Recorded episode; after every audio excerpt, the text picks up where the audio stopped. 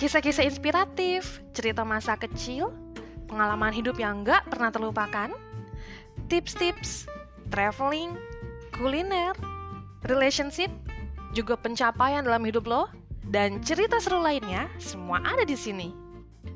Ini cerita gue, setiap minggunya bakalan ada cerita yang bisa temenin lo semua. Gak hanya itu, lo juga bisa berbagi cerita di sini.